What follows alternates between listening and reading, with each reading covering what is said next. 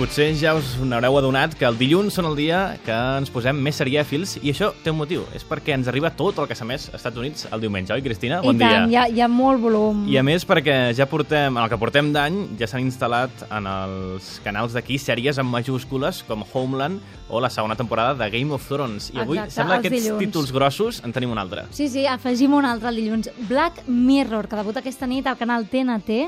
I si esteu abonats, apunteu bé l'hora perquè Black Mirror és una minissèrie, en aquest cas, molt recomanable i amb un format poc convencional.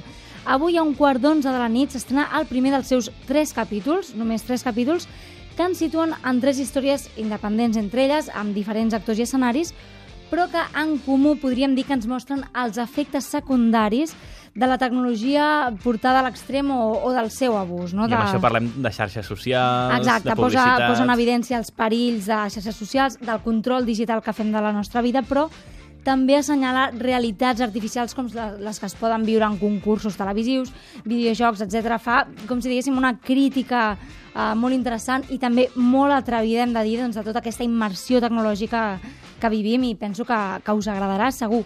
Em quedo més tranquil·la dient que en un dels tres episodis hi ha un petit error uh, de contingut. En quin? Digue'm almenys el No número. perquè, no, perquè aleshores potser podria ser un spoiler. Mira, ja saps que a mi em fa molta D'acord, por. n'hi ha tres, veieu-los els tres, És perquè dir, els tres són molt sí, bons, això no? no la desmereix, és una proposta molt, molt, molt recomanable.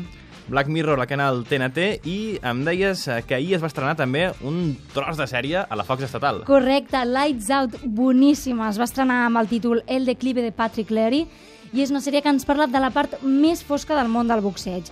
Ho fa a través d'un excampió de pesos pesats ja retirat, doncs que per problemes econòmics s'ha de plantejar tornar al ring, tot i mm, la negativa de la seva família, que evidentment doncs, no vol que arrisqui la seva salut així.